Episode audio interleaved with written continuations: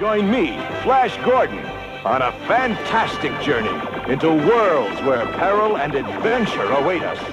Hi, this is Eric Berger, the senior space editor at Ars Technica. I've been covering space for 20 years, and you're listening to The New Romola with Thomas Schumann. Selvfølgelig så skulle det jo være sådan, at præcis som jeg gik på ferie, og dermed også programmet her gik på ferie, at der så skete en masse skældsættende begivenheder i rumfartens verden. Siden jeg er gået på ferie, så har der været to milliardærer, der har fløjet i rummet. Russerne de har været tæt på at ødelægge den internationale rumstation, og verdens største rumraket nogensinde er blevet samlet for første gang. Jeg håber, at jeg til sidst i dagens program kan sørge for, at du kommer up to date med det væsentligste, der er sket i rumfartens verden, imens at jeg har været ude at rejse. Men først, så skal vi lige høre en optagelse, som jeg optog, før jeg tog på ferie. For den 25. juni fik jeg lov at mænge mig med nogle af spidserne i dansk rumfartforskning og rumfartindustri til en konference i København, hvor det blandt andet handlede om udforskning af Mars, fremtidens missioner til månen og en kvindestrøm om at blive den næste danske astronaut. Du lytter til Den Nye Rumalder på Radio 4 med mig, Thomas Schumann. En af de ting, som jeg virkelig har savnet under corona, det er bare at kunne komme ud til konferencer og oplæg om rumfart. Men nu er samfundet efterhånden åbnet op igen, og jeg står nu på Kalvebod Brygge, ned til vandet ved Københavns Havn, hvor det er, at Ingeniørforeningen holder til. Ingeniørforeningen har nemlig i dag inviteret til Space Talks 2021, og de skriver selv på deres hjemmeside om Space Talks, at det er en eftermiddag i rummets tegn. Det er for dig, der er fascineret af rumfart, raketter og alt derimellem. Og det er, de har altså inviteret en række, skriver de selv, spændende oplægsholdere ind til at give en kort og tempofyldt præsentation af, hvad der fascinerer dem, og hvorfor det er vigtigt for os alle. Dagen afsluttes med en festlig spacebar-reception. En af de ting, som jeg hæftede mig ved, da jeg kiggede på programmet, som det stod inde på PowerPoint-præsentationen inde i salen, hvor der altså er plads til omkring 70 mennesker, det er, at øh, der i pausen, ud over kaffe, også vil blive serveret rumkugler. Så jeg glæder mig til at få en smagsprøve på de her såkaldte rumkugler. Tino, det er dig, der står som arrangør på øh, IDA Space Talks. Kan du lige prøve først at præsentere dig selv? Jeg ved ikke engang, hvad du hedder til efternavn. Okay. Jamen, jeg hedder Tino Rabe Tønnesen. Jeg er chefkonsulent her i Ingeniørforeningen øh, IDA, og øh, jeg arbejder med vores, det, vi kalder vores fagtekniske netværk. Det har vi godt 50 af, øh, hvor IDA Space er en af vores nyeste. Og det vi laver i sådan et netværk, øh, det er, at vi sætter fokus på det emne, i det her tilfælde øh, rumfart, øh, og det får vi vores medlemmer til at hjælpe til med, og så vi laver events for medlemmerne øh, omkring rumfart i de her tilfælde. Hvor, hvor gammel er Ida Space? Ida Space er cirka to og et halvt år gammel. Øh, der kom to øh, medlemmer ind for, to, for godt ja, for to og et halvt år siden, Michael og Lykke, og sagde, øhm, de, godt, de savnede lidt fokus på rumfart. Og så går vi i gang med at, at, at prøve at sætte fokus på det. Så får vi en, øh, ved det, så laver, etablerer vi en arbejdsgruppe, og øh, så spørger vi, hvad, hvad kunne I tænke jer? Og øh, de har så kørt med i to og et halvt år nu. Og øh, på den måde har vi formet The Space. Vi har øh, en, øh, et, et voksende netværk for rumfart. Vi har et lille community på Facebook, som også vokser, i The Space. Og øh, så laver vi øh, events af alle arter. Og nu efter et års tid kan vi lave vores første fysiske arrangement, og det glæder vi os meget til. Som er Ida Space Talk, som vi står til i dag. Hvad, hvad er det, der sådan er formålet med, med sådan en øh, sådan et event som det her? Altså Space Talks format er lidt anderledes normalt, fordi de er meget korte oplæg. Vi kører 20 minutters oplæg, og så maks et-to spørgsmål, og så øh, har vi fået alle oplægsholderne til at blive i pausen, så man kan få en snak med dem i pausen øh, og få en dybere samtale med dem der. Det format er noget, vores medlemmer har taget rigtig godt imod i andre sammenhænge også. Øh, generelt er formålet med de her talks at fascinere og inspirere øh, alle, der er interesseret for, for rumfart. Altså, den yngste, der kommer, det er 14 år. Øh, og det er jo altid rart, når, når, når, vi, når vi får den type henvendelser. Ikke? Og selvfølgelig skal man med, hvis man er 14 år og er interesseret sig for rumfart. Hvordan er det blevet modtaget? Altså, hvor, hvor meget har I kunne mærke, at der har været interesse for at deltage i det her? Jamen, altså, der har været stor interesse for, for det første for fysisk møde, ikke? Øh, men, men vores, øh, vores rumfartsfokus øh, er taget ordentligt godt imod. Ikke? Der er en stor øh, variation i, i, i, i, i dem, der, dem, der kommer til arrangementerne. Det er jo unge og ældre, det er kvinder og mænd, og det er studerende, og det er amatører, amatørastronomer, det er, det er alt muligt, øh, som kommer. Det er enormt dejligt øh, at have en så, så bred øh, ved det, øh, øh, deltagerskare til vores, til vores events. Så kunne jeg se på programmet derinde, altså udover selve oplæggende, så i pausen så stod der kaffe og rumkugler. Hvad går det ud på?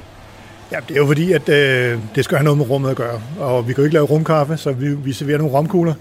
Og selvfølgelig, hvis man siger rom på engelsk, så bliver det til rum. Øh, så nu kalder vi det rumkugler, så må vi se, om der er nogen, der opdager forskellen. Er der nogen forskel? Det er svært at sige. Jeg vil tro, at romkugler og rumkugler stort set er det samme. Hvis du tager en romkugle op i rummet, så bliver det vel til en romkugle. det må vi prøve på et eller andet tidspunkt.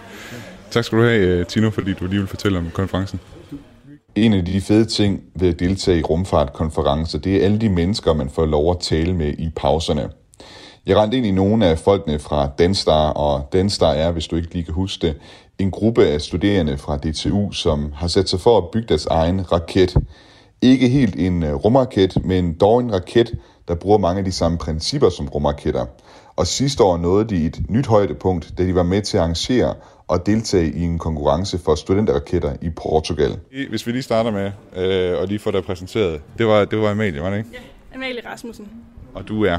Jeg er DTU-studerende, og jeg bygger raketter i min fritid. Og hvad du hedder herovre? Jeg hedder Hasse. Jeg er også DTU-studerende og bygger raketter i min fritid. og, og det er jo så ikke for sagt her, det er jo med i Danstar, ja. som er det her studenterbygge raketprojekt, som jeg plejer at kalde det. Hvordan, øh, hvor langt, øh, eller hvad, hvad sidder I og arbejder med lige for tiden? Jamen, øh, vi er i gang med at bygge raketten Valkyrie, som er vores øh, anden, hvad kan man sige, nummer to raketprojekt.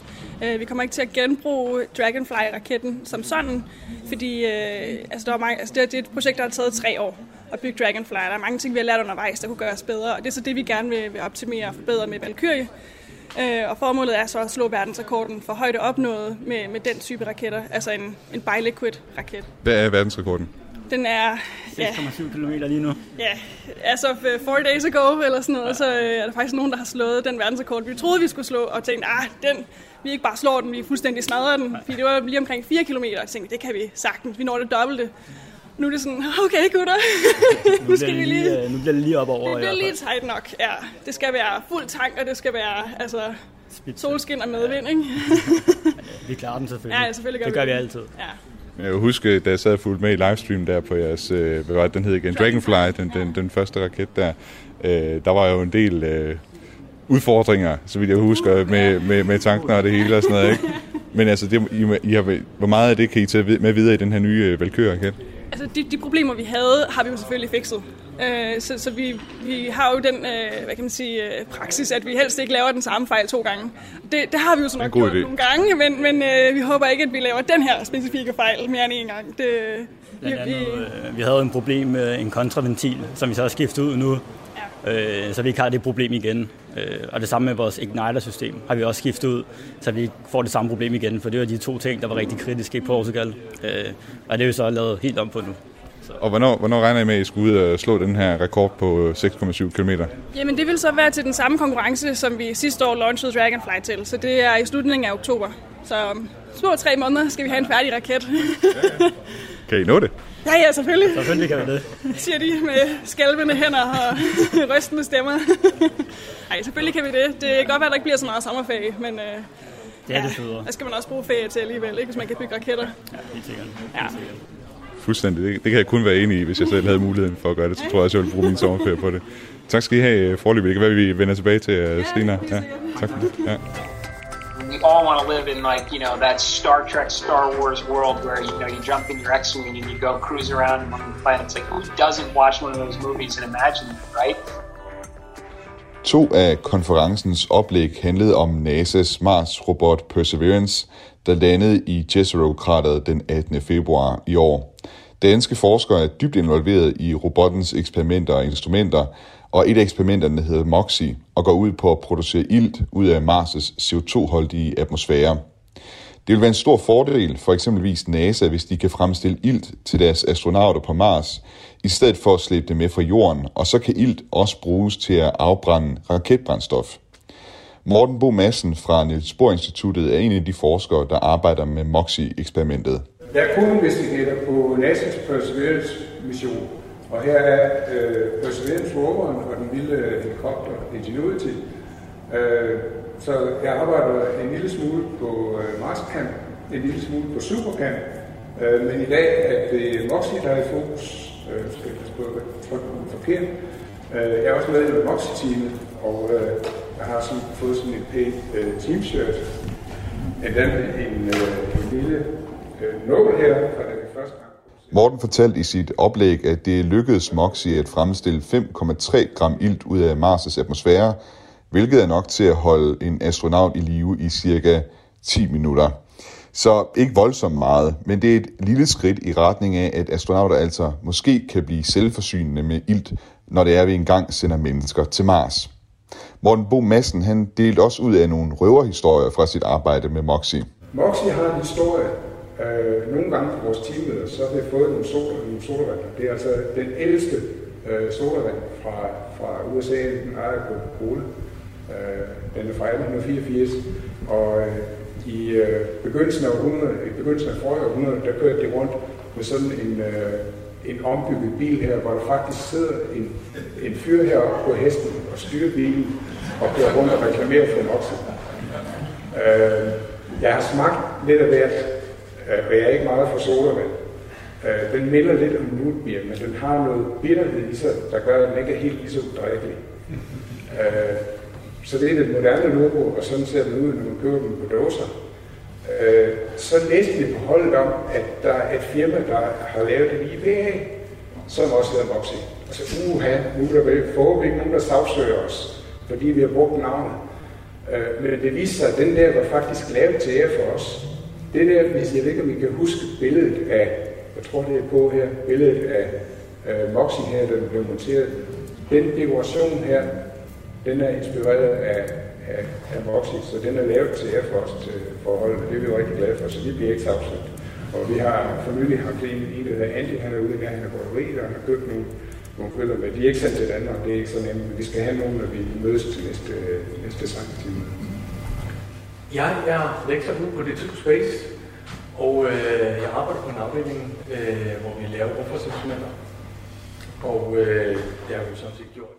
Og så var der David Arve Klevang Pedersen fra DTU Space, som tidligere har været med som gæst i den nye rumalder, og han fortalte om DTU Spaces instrument Pixel, som er det instrument Perseverance bruger til at undersøge Mars' klipper med, og som kan være det instrument, som giver os det endelige svar på, om der har været liv på Mars. Pixel er et røntgenkamera, der er designet til at analysere klipper og sten, og hvis der er forsteninger af fossiler på Mars, så vil kameraet kunne opfange det. Jeg fangede både David og Morten til et kort interview, efter de havde holdt deres oplæg. David og Morten, må jeg forstyrre jer lidt? Jeg kommer fra Radio 4, ja. øh, programmet Den Nye Rumalder. Jeg tror, vi har talt sammen på et tidspunkt, ja. David, og jeg kan ikke huske, om jeg talte med dig, Morten. Jeg vil bare lige spørge, stille nogle spørgsmål i forhold til de øh, oplæg, I havde. Jeg vil gerne lige spørge dig, Morten, i forhold til øh, Moxie. Hvor meget øh, ilt øh, regner I med, I skal producere i løbet af den tid, som Perseverance er på Mars? Altså lige nu har vi... Ja, hvad har vi produceret? Vi har produceret 20 gram eller sådan noget. Jeg vil tro, at vi... Og det, det er jo ikke voldsomt. Vi kommer måske til at producere 100 gram eller noget af den stil, kunne jeg forestille mig. Men jeg ved det ikke. Vi skal på et eller andet tidspunkt skal vi prøve grænser og se, hvor, hvor, øh, hvor meget kan vi producere i en omgang, og hvor langt den kører. Ikke? Men der er jo nogle begrænsninger. Øh, dels vores øh, spændingsforsyning. Øh, det, der bare det at få lov at køre den kræver faktisk, at vi laver sådan en speciel kortslutning, som hedder en battle short. Fordi øh, vi bruger så meget strøm, så den, normalt er instrumenter på råden beskyttet af sådan nogle, et sikringssystem. Og vi, skal, vi har brug for mere øh, så vi sætter sådan en slags kortslutning af alle sikringerne i, øh, når vi kører. Øh, og så dræner vi batteriet til cirka halv kapacitet, når vi, når vi laver sådan en kørsel på bare en, det, det tager en halvanden time at varme den op, og så en time, at producere producerer hele det. Så det, øh, der, der er en masse begrænsninger, som vi ikke er herover. Øh, så jeg, ved det ikke, men vi, vi lærer i hvert fald en hel masse af det, og en af idéerne med det er at prøve at at producere oxygen også øh, på alle tidspunkter af døgnet, hvor trykket er forskellige. Vi skal lære at kalibrere øh, eller styre kompressoren rigtigt, så vi altid har det rigtige øh, tryk i indgangen. Og så skal vi lære at styre øh, strøm og spænding i, øh, i øh, faststoffelektrolysecellerne, så den får en maksimal levetid. Ikke?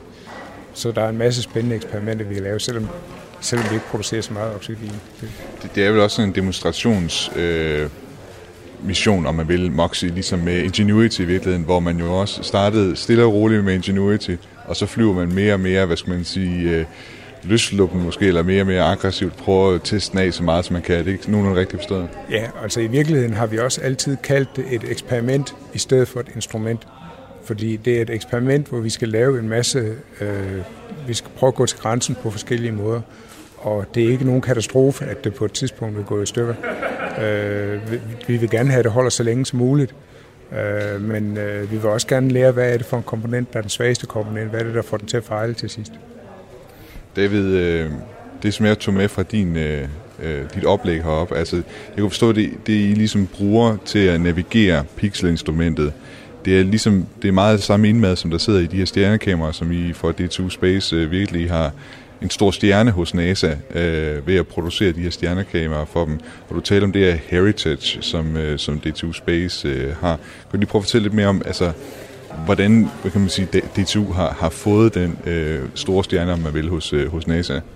Jamen, det er... Øh, altså, hvad skal man sige, for øh, 20-30 år siden var det måske virkelig lidt lettere at komme ind på den branche, fordi at fordi at det var, det var, hvad skal man sige, de krav, der blev stillet til produktionskvalitet, og altså, de, de var ikke lige så udførlige. Øh, altså, øh, altså ESA og NASA-agenturerne, de, de, de arbejder, de lærer jo også en masse, og de lærer jo hele tiden om, øh, hvilke komponenter er de svage, og hvad er det, der får dem til at bryde ned. Altså bare, altså mikrochips, de bliver jo, de, blev de kan jo suge vand ind i sig, det er det, hvis man ikke bare for fem år siden. Altså, så, så lige pludselig skal alle mikrochips i hele verden indvendes fordi, og testes for det. Og det er en kæmpe omvæltning for, øh, for produktionen. Så altså, altså bare, altså, så det er et kendskab til det her. Men, men Heritage, det ligger i virkeligheden på, på instrumentteknologien.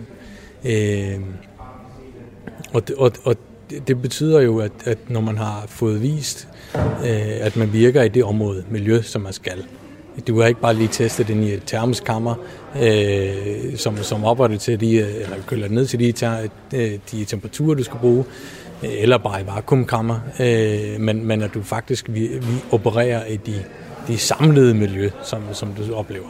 Øh, det, det, det, er, det er alfa mega for at typisk komme på, på større missioner. Øh, men, men vi er jo også på øh, Øh, på, på mindre missioner, fordi at man, man har det, ligesom Morten forklarer her, en teknologidemonstrator. Øh, så, så, så, så får man lov til at få lidt, øh, hvad skal man sige, friere rammer, fordi man ved godt, at man går ind med, som, som, øh, som Ingenuity helikopteren er, øh, det er jo en teknologidemonstrator, øh, og øh, den har ikke lige så strenge krav. Øh, den er jo for eksempel øh, teknologi fra mobil øh, til mobiltelefonteknologierne, og sådan, sådan kan skære meget mere masse af. Øh, kamerasystemerne er slet ikke lige så beskyttede, så den er meget mere sårbar, men det går man på kompromis med for at få det ud af det, som man gerne vil have. Øh, og den er heller ikke forventet til at gå overleve lige så lang tid, som en normal øh, rover kan. Øh, så så der, man har skåret ind til benet, ikke? Øh, og, og de har jo så fået heritage på deres teknologi nu, og, og, og det er jo i virkeligheden det, der det hele handler om. Det er, fordi at så kommer jo udbygge fra den heritage, de har opnået nu, øh, til at bygge senere og større missioner og få flere penge allokeret til det. Øh, og det, er jo det, det gør vi jo også. Vi er også med på mindre missioner for at kvalificere øh, formationsflyvning i rummet, for eksempel øh, teknologi, teknologi til det. Øh, så, så det er noget, man bygger op over en hel årrække, men som er ret værdifuldt, når det kommer til stykket. Og man kan jo sige fælles for begge del, del her så i forhold til det med heritage. Det er jo altså også noget, der kommer virkelig i spil, når man så engang skal sende mennesker til Mars, at man har en masse ting, man har sendt op, som man ved øh, ligesom virker på, på den røde planet.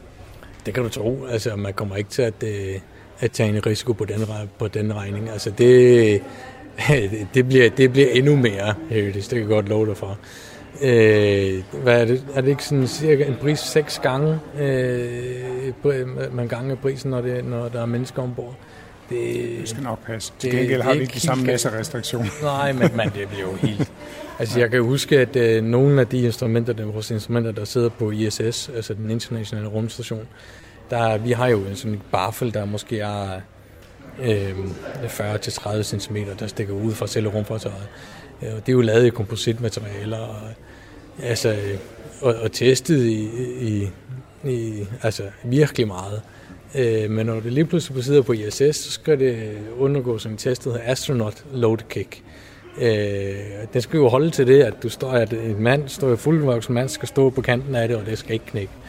Øh, og, altså, det, det er sådan nogle skøre testnavn, øh, de har, ikke? Men, øh, og dernæst skal det jo også kunne testes i forhold til, at kan en astronaut skære selve handsken, hvis han tager fat i bafflen, fordi de er jo knivskarpe øh, inde bag baffler. Øh, øh, det kan han sagtens, så det må du også teste for. Øh, så, så altså, det, der kommer bare et helt andet spil ind over, når det, når det har med at snakke om det. Nu har Perseverance øh, til opgave blandt andet at finde organisk kemi på Mars, og øh, det har betydet, at øh, vi, var, vi har leveret kalibrerings, øh, farvekalibreringsreferencer til øh, to af kameraerne ombord, øh, Marscamp Z og Supercamps øh, Remote Microscopic India. Og der har vi fløjet kerami, keramiske øh, referencematerialer, og de har aldrig været fløjet før, så vi havde specielle krav øh, til de nye materialer, fordi de ikke har været prøvet før. Øh, og der har det har taget lidt tid at finde de rigtige øh, slags epoxy og lime dem med. Epoxyen er, har kun, der er kun en meget lille del af overfladen, der er eksponeret direkte til Mars-atmosfæren, og den bliver bagt ud, så den er fuldstændig hærdet. Men øh, det at finde en epoxy, der kunne holde til øh, keramikringen, der var 50 mm i diameter, det var lidt af en, øh, lidt af en udfordring. Vi er nødt til at lige her til sidst også at spørge ind til jeres øh, fine pins. Du har en her med, med Moxie. Hvad var det, det, du har fået den for? Jamen, det er den første øh, produktion af ilt på Mars-overfladen. Okay. Uh, vi producerer de her 5,47 gram. Så du har nærmest fået sådan en medalje her, sådan en uh, rund uh, orange en, hvor der står Moxie på? der passer instrumentet på Mars, uh, og vi har fået lavet sådan en t-shirt og en, og en black kit her til, til os 14. Okay. Hvor, hvor, hvor tit går du rundt med den? Jamen, det er første gang, jeg har den på. jeg fik den for en uge siden. Nej, jeg går med et marsur hver dag. Du går med et marsur? Hvad vil det sige? Ja, det her, det her Jesso Standard Time. Det hvad, er klokken, hvad er klokken øh, på Jesso i Jesso Den er, er sent om aftenen. Den er 20 minutter over 22 nu. Okay. klokken her, den er vel er den 3 nu eller sådan noget? Uh, her ja, den er, den er 14.35. Ja, 14.35, ja. ja. Men det går lidt for langsomt. Der er 39 minutter uh, længere. Er, er det noget, alle Mars-forskere de har rundt med sådan et øh, Mars-ur? Nej, nu har man det på en app på telefonen. Ikke? Men øh, jeg, er fra, jeg er så gammel, så jeg er fra før app, appernes tid. Ikke? Så den her, den blev bygget til, øh, til Mars Exploration Organisationen. Der var en lille urmager i Pasadena, der købte 1000 øh, mekaniske, gammeldags mekaniske ure i Japan, som han så byggede om. Øh, dengang der lavede man allerede øh, ure med kvartsoscillatorer. Og jeg prøvede at skrive ud til Swatch og spørge, om det ikke var noget for dem, fordi øh, de kan bygge et ur, som, er, øh, som vi kunne koste 300 kroner eller sådan noget. Det er noget, en hver videnskabsmand har råd til. Øh, men øh, de her var også til at betale, altså øh, 2.000 kroner eller sådan noget, som jeg har bygget om i hånden. Det er sgu meget sejt. Du har også øh, to øh, pins her. Du har en, der er sådan en, en lille en, der er rød, og som jeg mener er silhuetten af, af Mars roveren uh, Perseverance. Og så hvad har du den, den nede under den sorte der, det må vel være det er, Juno? Det er nemlig Juno, ja. Øh, og den, øh, den, hvad skal man sige, den kom i hus, så at sige, øh, under, øh, under Earth flybyen, øh, under dens rejse til selve Jupiter, så skulle den lige forbi og runde jorden en gang til. Øh, og øh, der var vi tre år undervejs, øh, så, så der markerede den lige med, med en pinde der. Man kan lige se i Australien øh, bag ved Juno-rumskibet. Ja, ja, lige præcis. Man kan godt skælne, hvad der er i baggrunden her. tak skal du have. Selv tak. Det bliver spændende at prøve sådan en romkugle der. Ja. Eller rumkugle. Jeg spurgte, hvor store de var på forhånd. Som de var på størrelse med en golfbold, eller på størrelse med en tennisbold. Så griner hun af mig, og en tennisbold, hvad tænker på? og hvad er det? Ej, de har en god størrelse, vil jeg sige der. Ja. Jeg skal bare tage simpelthen herfra. Ja.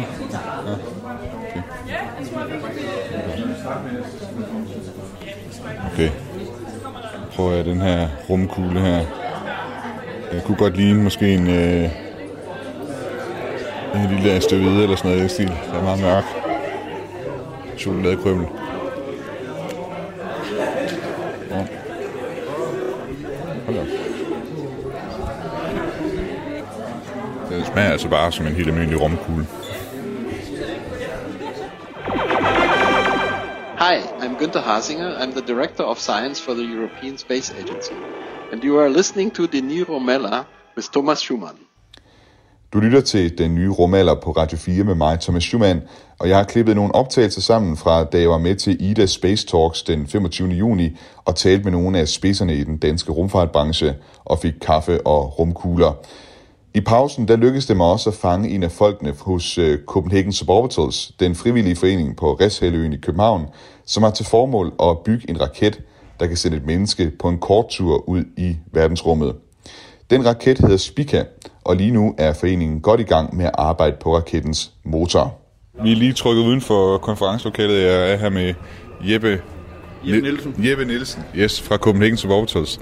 Og Jeppe, du skal ind og tale om nogle injektorer, som I arbejder med hos Copenhagen Suborbitals. Hvad, hvad kommer det til at handle om?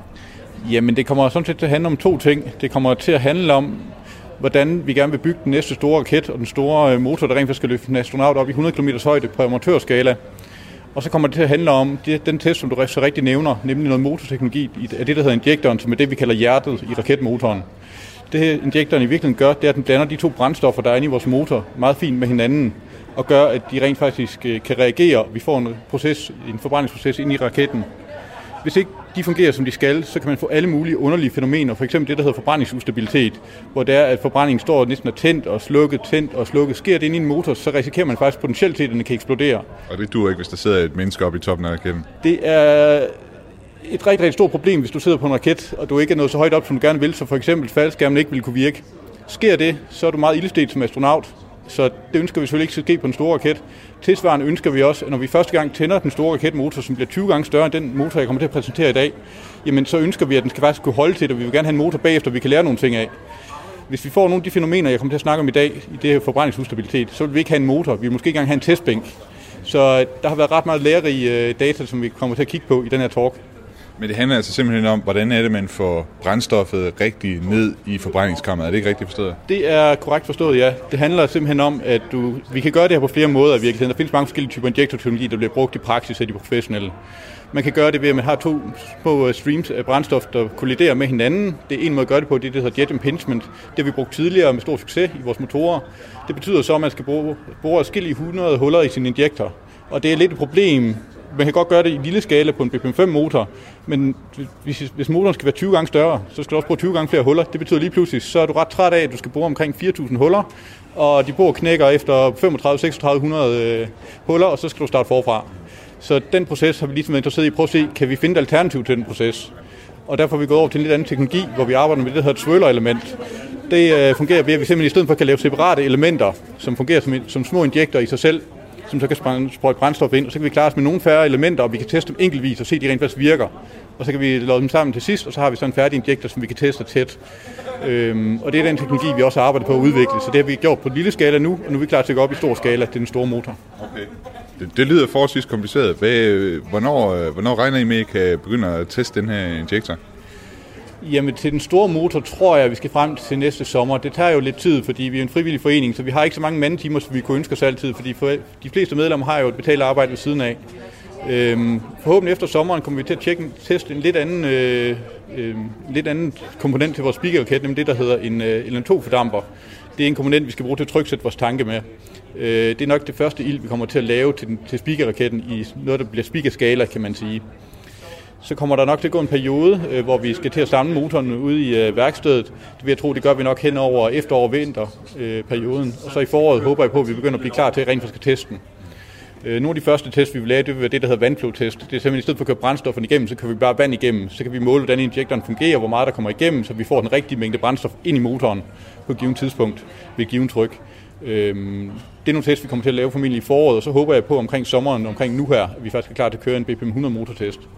Lige her til sidst, før vi skal ind i salen igen, den t-shirt, du har på, den blev du simpelthen nødt til lige at forklare for, for min lytter, hvad den går ud på. Det, det, det viser jo en, en raketmotor, og så står der oppe på toppen, Full Flow Stage Combustion Cycle. Hvad ja. går du ud på? Den øh, t-shirt, jeg er på, det viser faktisk uh, SpaceX's Raptor-motor. Det er den motor, som SpaceX øh, skal bruge på deres Starship-program, som de ønsker at sende folk til Mars med. Det er en lidt speciel raketmotor, i og med, at den øh, sender de to, brændstof, de to brændstofkomponenter, ilt og i deres tilfælde metan, ind igennem en, det, der hedder en præbønder, hvor der er, at din ene præbønder kører loksrigt, den anden kører de metanrigt. Det betyder, at de forbrænder begge komponenter øh, fuldstændig i det her i preburner, så får de en gasform, de kører ind i deres motor efterfølgende. Det er lidt i kontrast til, hvad man normalvis gør, når man har en turbopumpe. Der har man typisk det, der hedder en gasgenerator. Det betyder, at man, kører, man forbrænder noget af sit brændstof, og så smider man ind til, det forbrændingsgas, man laver bare væk til siden. Det bruger man ikke til andet end bare at drive sin turbopumpe. Og det, er, det, det giver en del spild. Øh, så derfor er det lidt unikt, det som SpaceX gør, især fordi de skal håndtere en ildrig gas, der er skilt i 1000 grader varm, som ikke må få deres, brand, få deres, deres, brand, deres brandkammer eller deres, deres øh, rørføring eller deres komponenter til at begynde at brænde. Fordi de fleste metaller viser sig faktisk at kan brænde i et par tusind grader varm ilt. Især når vi snakker næsten 100% ilt. Så øh, det er ret unikt, det de lykkes med der. Og det er faktisk en af de første motorer i verdenshistorien, der bruger den teknik. Og noget andet based end BPM 100 motor. Ja, BPM 100 motor må man sige, det er lidt en amatørmotor sammenlignet med de professionelle. Vi er nødt til at gøre nogle ting lidt simplere, fordi vi har ikke den samme økonomi, vi har ikke de samme timer til at smide i udvikling. Så vi er nødt til at springe over, hvor gader er lidt lavere samtidig. Og man kan sige, at vi skal heller ikke bruge en professionel motor til vores projekt. Vi skal bruge en motor, der kan løfte os 100 km, og så komme sikkert ned igen. Det er en noget nemmere opgave, end det er for eksempel for SpaceX, der ønsker at sende noget i kredsløb det kræver væsentligt mere energi, end det vi skal. Så vi har ikke brug for den her, den her komplekse motor. Vi kan godt gå med noget teknologi, der er tilbage til 50'erne og 60'erne, og stadig få det til at fungere til vores målestok. Skulle vi noget mere, jamen, så er det klart, så skal vi til at kigge på sådan noget som pumper for eksempel. Og det har vi også et projekt kørende med med en norsk virksomhed, der hedder Orbital Machines, som faktisk arbejder på at udvikle en elektrisk turbopumpe, som vi har en idé om, vi måske i fremtiden vil teste på en BPM-100-motor. Det er i hvert fald øh, målet. Øh, men det er en ting, som er en bonus ting, vi kan koble på motoren. Det er ikke en ting, der er krævet for vores flyvning.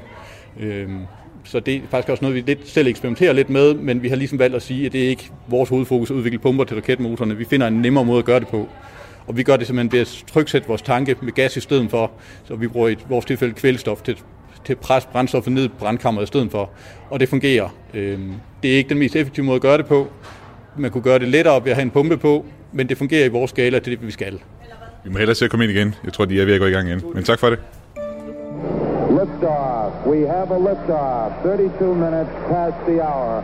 Liftoff on Apollo 11. Inde i konferencesalen var det Christina Tolbo fra D2 Space, der holdt oplæg om de udfordringer, der kommer til at være, når der igen skal sendes mennesker til månen og i fremtiden til Mars. Men inden I uh, lytter alt for meget til mig, så vil jeg lige sige lidt om, øh, hvem jeg er, øh, så I tænker, så I kan vurdere, om I vil skole på mig eller ej. Øh, jeg er uddannet astrofysiker fra Niels Bohr Instituttet, men så sidenhen så synes jeg, at det her astronomi, det var altså lidt for langt væk til, at jeg kunne sådan, begribe det og tage det med mig i mit laboratorium. Så jeg besluttede mig for at øh, beskæftige mig med menneskers overlevelse i rummet. Og det, øh, det er et rigtig spændende emne, både fordi at mennesker de har den her inspirations del, altså det her med at sende en robot til, til Mars og månen, det er helt klart det smarteste at gøre. Men der er alligevel også noget specielt ved, at mennesker træder nye spor, og også udvikle den teknologi, der skal til for det. Og der øh, har vi altså nogle betingelser, som, som er, gør det rigtig svært på månen, og sådan set også på Mars. Altså vi har svært ved at lande helt præcist. Vi er blevet ret gode til det, øh, især hvis vi har mennesker ombord, hvis vi skal sende robotter afsted, så, så er der altså brug for den her teknologi, som vi udvikler blandt andet på D2 Space til at, til at navigere. Så har vi problemer med støv, både på månen og på Mars, som kommer ind i vores instrumenter, eller ligger sig på vores kameraer, eller øh, især månestøvet har sådan en eroderende effekt, som kan øh, lave hul på rumdragter og sådan noget. Så har vi enten ikke nogen atmosfære, eller en besværlig atmosfære, som Morten nævnte. Så er vi udsat for vildt meget stråling, øh, fordi vi er uden for vores atmosfære og vores magnetfelt. Så kan vi også arbejde med mikrometeoritter, så varierer temperaturen helt øh, utrolig meget, afhængig af om vi er i sollys eller ej. Og på den front, så har vi også månen øh, 14 dages mørke og 14 dages lys, som gør det svært at bruge solpaneler, for. Så har vi reduceret tyngdekraft, som vi ved har en indvirkning på vores kroppe. Øh, vi bliver sværere, når vi er i rummet. Og på Mars har vi også, også på månen, men, men især på Mars, øh, problemer med forsinket kommunikation. Altså at vi kan være helt op til 20 minutter for et signal og nå frem og tilbage. Øhm, og så har vi jo selvfølgelig alt det almindelige med, at der helst ikke skal gå ildebrand eller hul i basen, altså vores sikkerhed. Og så har vi det psykologiske i at være isoleret i så lang tid. Og de her betingelser, de er næsten identiske med, med nogle forskellige øh, specifikke forskelle mellem månen og Mars. Og det er derfor, vi skal bruge månen til at, at øve os til at bo på Mars. Fordi Mars den ligger syv måneders rejse væk, så hvis vi bare både så sende nogle mennesker afsted, som Morten sagde, som ikke skulle hjem igen, så ville det altså også have svært ved at leve der. Øh, fordi det her vejer rigtig meget. At sende et life support system med vil kræve rigtig mange launches og rigtig mange præcisionslandinger, for at vi kan bygge en infrastruktur, som er god nok til, at, at de kan have det nogenlunde okay, og ikke bare sidde i en kasse indtil de løber tør for det. Øh, så vi har virkelig brug for alt det her øh, modulære opbygning af, af rumfarten. Og til det så skal vi så bruge øh, nogle materialer, som der også er blevet nævnt. Vi skal finde på noget smart med mad, vi skal finde på noget smart med transporten, hvordan skal vi lave energi, er det plutoniumsreaktorer eller solpaneler, hvad gør vi med vores affald, øh, der er forskellige slags af dem, øh, hvad med vores luft, hvordan får vi atmosfære, hvordan sikrer vi, at vi ikke får giftige øh, partikler ind, hvad gør vi med sikkerhed, og hvad gør vi med vand. Og så er der egentlig forskellige måder, man kan tænke på det. Skal det være en forsyningskæde, eller skal vi sende det i forvejen, eller skal vi være self-sustainable på månen og Mars? Og svaret er nok en kombination af de tre ting, indtil videre i hvert fald. Er der spørgsmål her for sagen? Øh, ja, jeg tænker, jeg tænker, man kunne næsten kalde dig den første astroantropolog, lige før.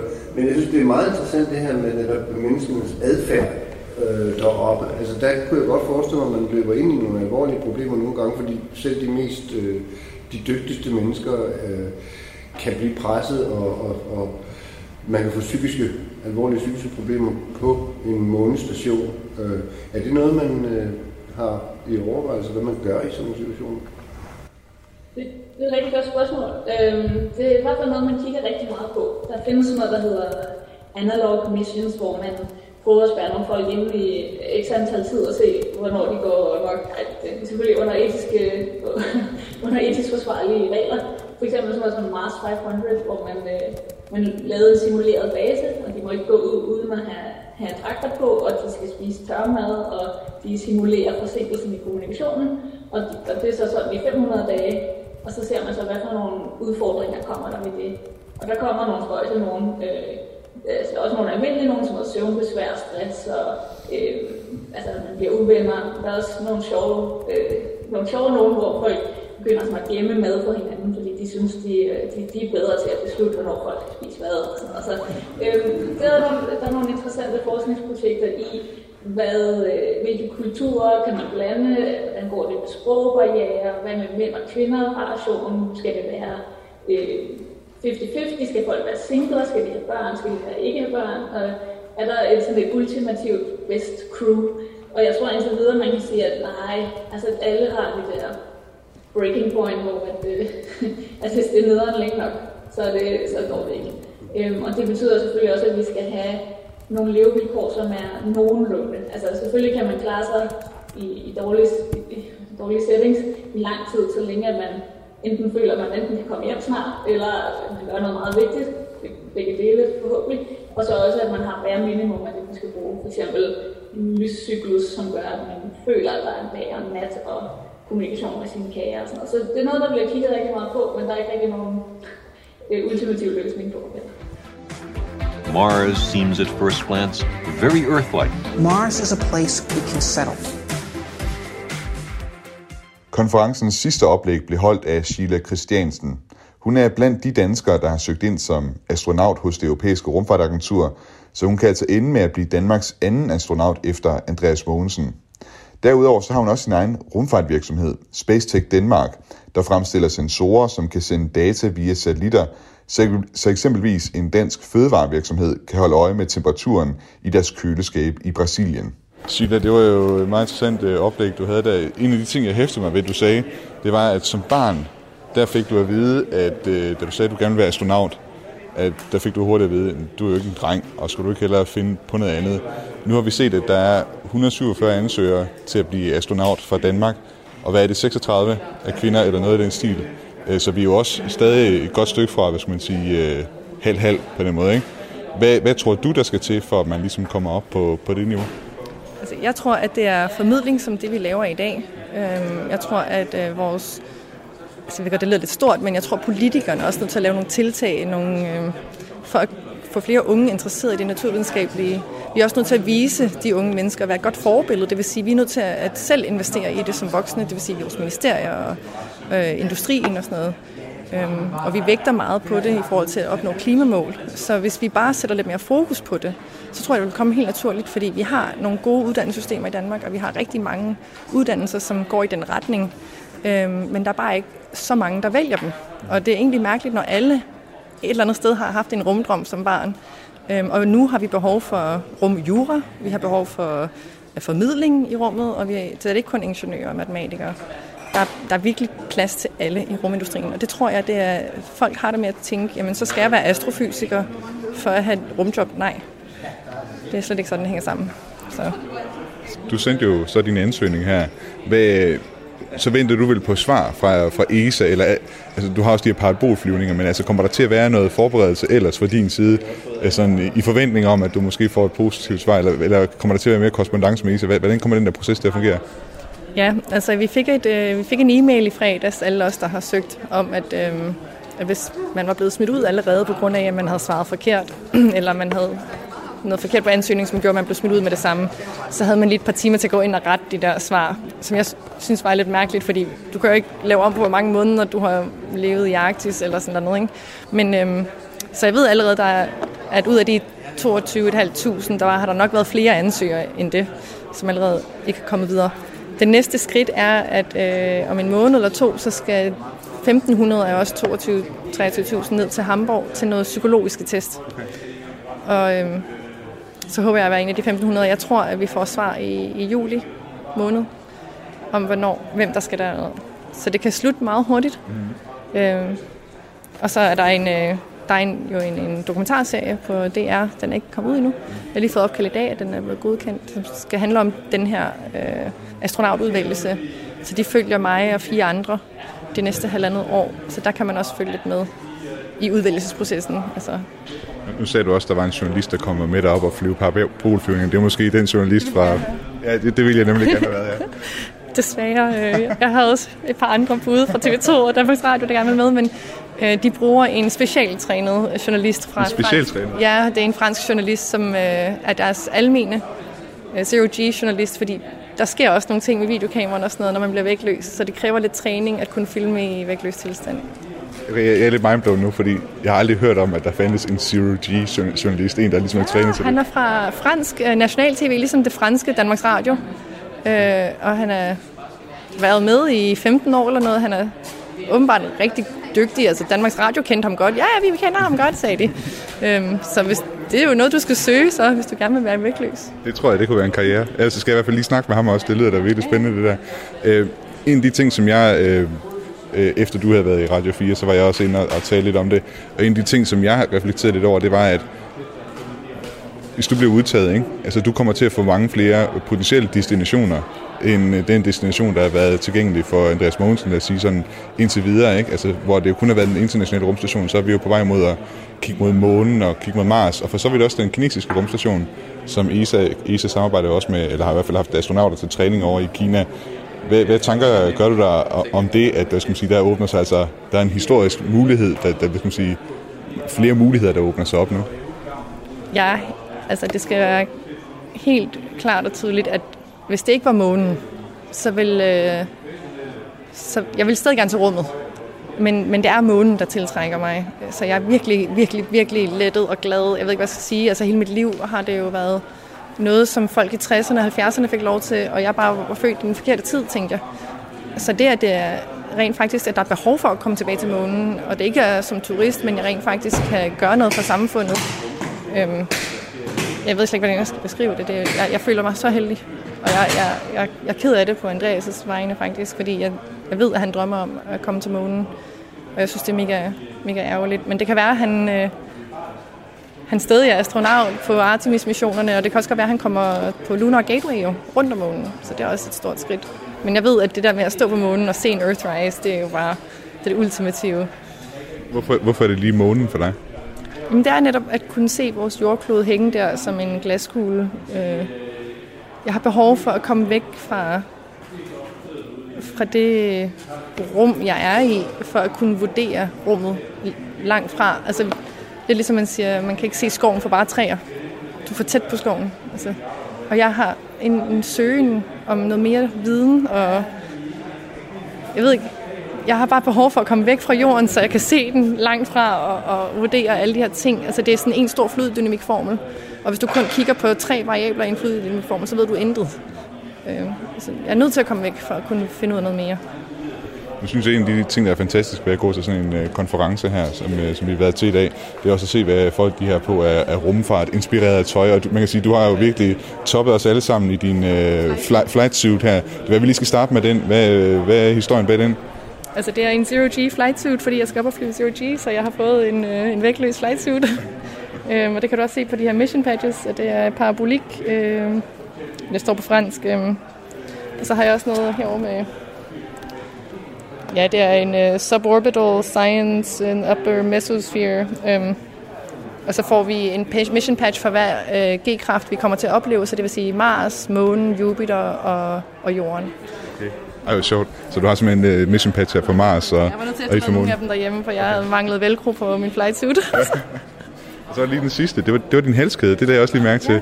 Den var også rumfartinspireret. Hvad, kan du forklare lytterne, hvad er det, det var? Det er det eneste, jeg sover med på. Ja. Jeg tager alt andet af, undtagen det her. Men øhm, det er en uh, SpaceX-raket. Uh, altså det vil sige, det er toppen af SLS.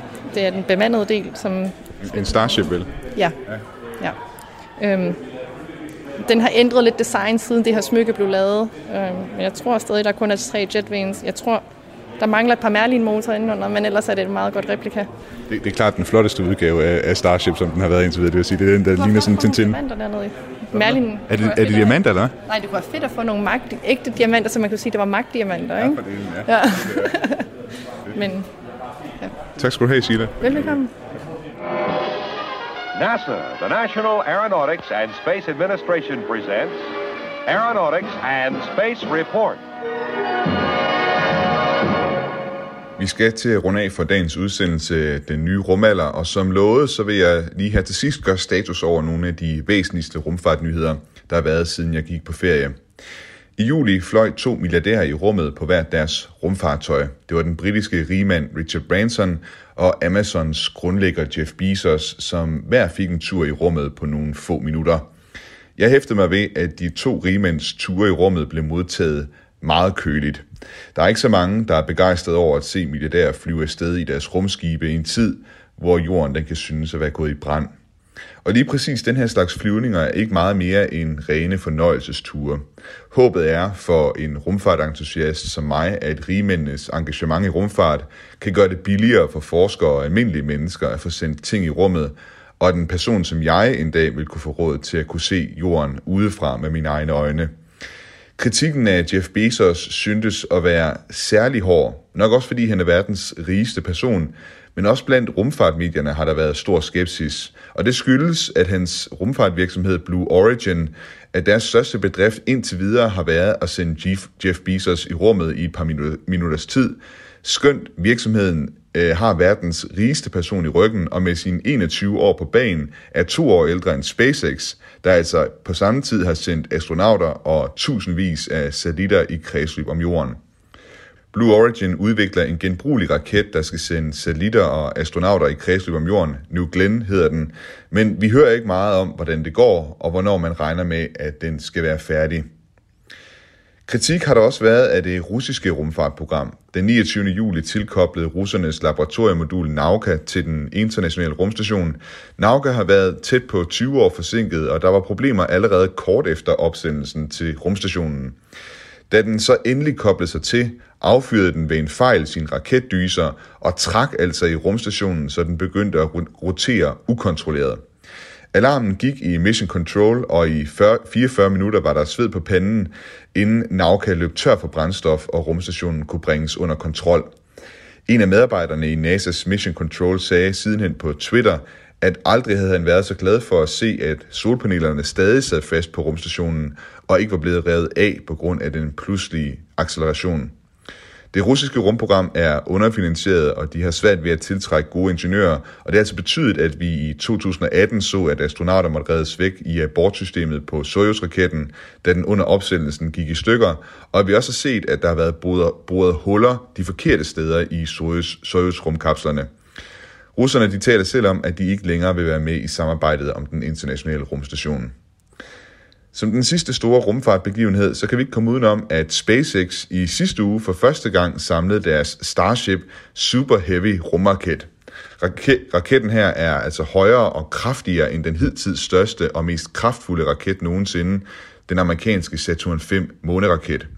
SpaceX bevæger sig altså hastigt frem mod den dag, hvor de for første gang kan teste Starship-rumskibet og Super Heavy løfteraketten. Det er altså med den raket, at SpaceX vil sænke prisen på at sende ting i rummet så meget, at almindelige mennesker en dag vil kunne købe en billet og flytte til Mars, hvis de har lyst. Og dermed er vi kommet til vejs inden for dagens udsendelse af den nye rumalder. Mit navn er Thomas Schumann. Hvis du har ris, ros, kommentar eller andet, du vil sende ind til os, så send det ind til den nye rumalder, radio4.dk. Du kan lytte til tidligere udsendelser ind på Radio 4's hjemmeside, på Spotify eller på Apples podcast player. Indtil vi øh, høres ved igen, så vil jeg bare ønske en god uge. Ad Astra.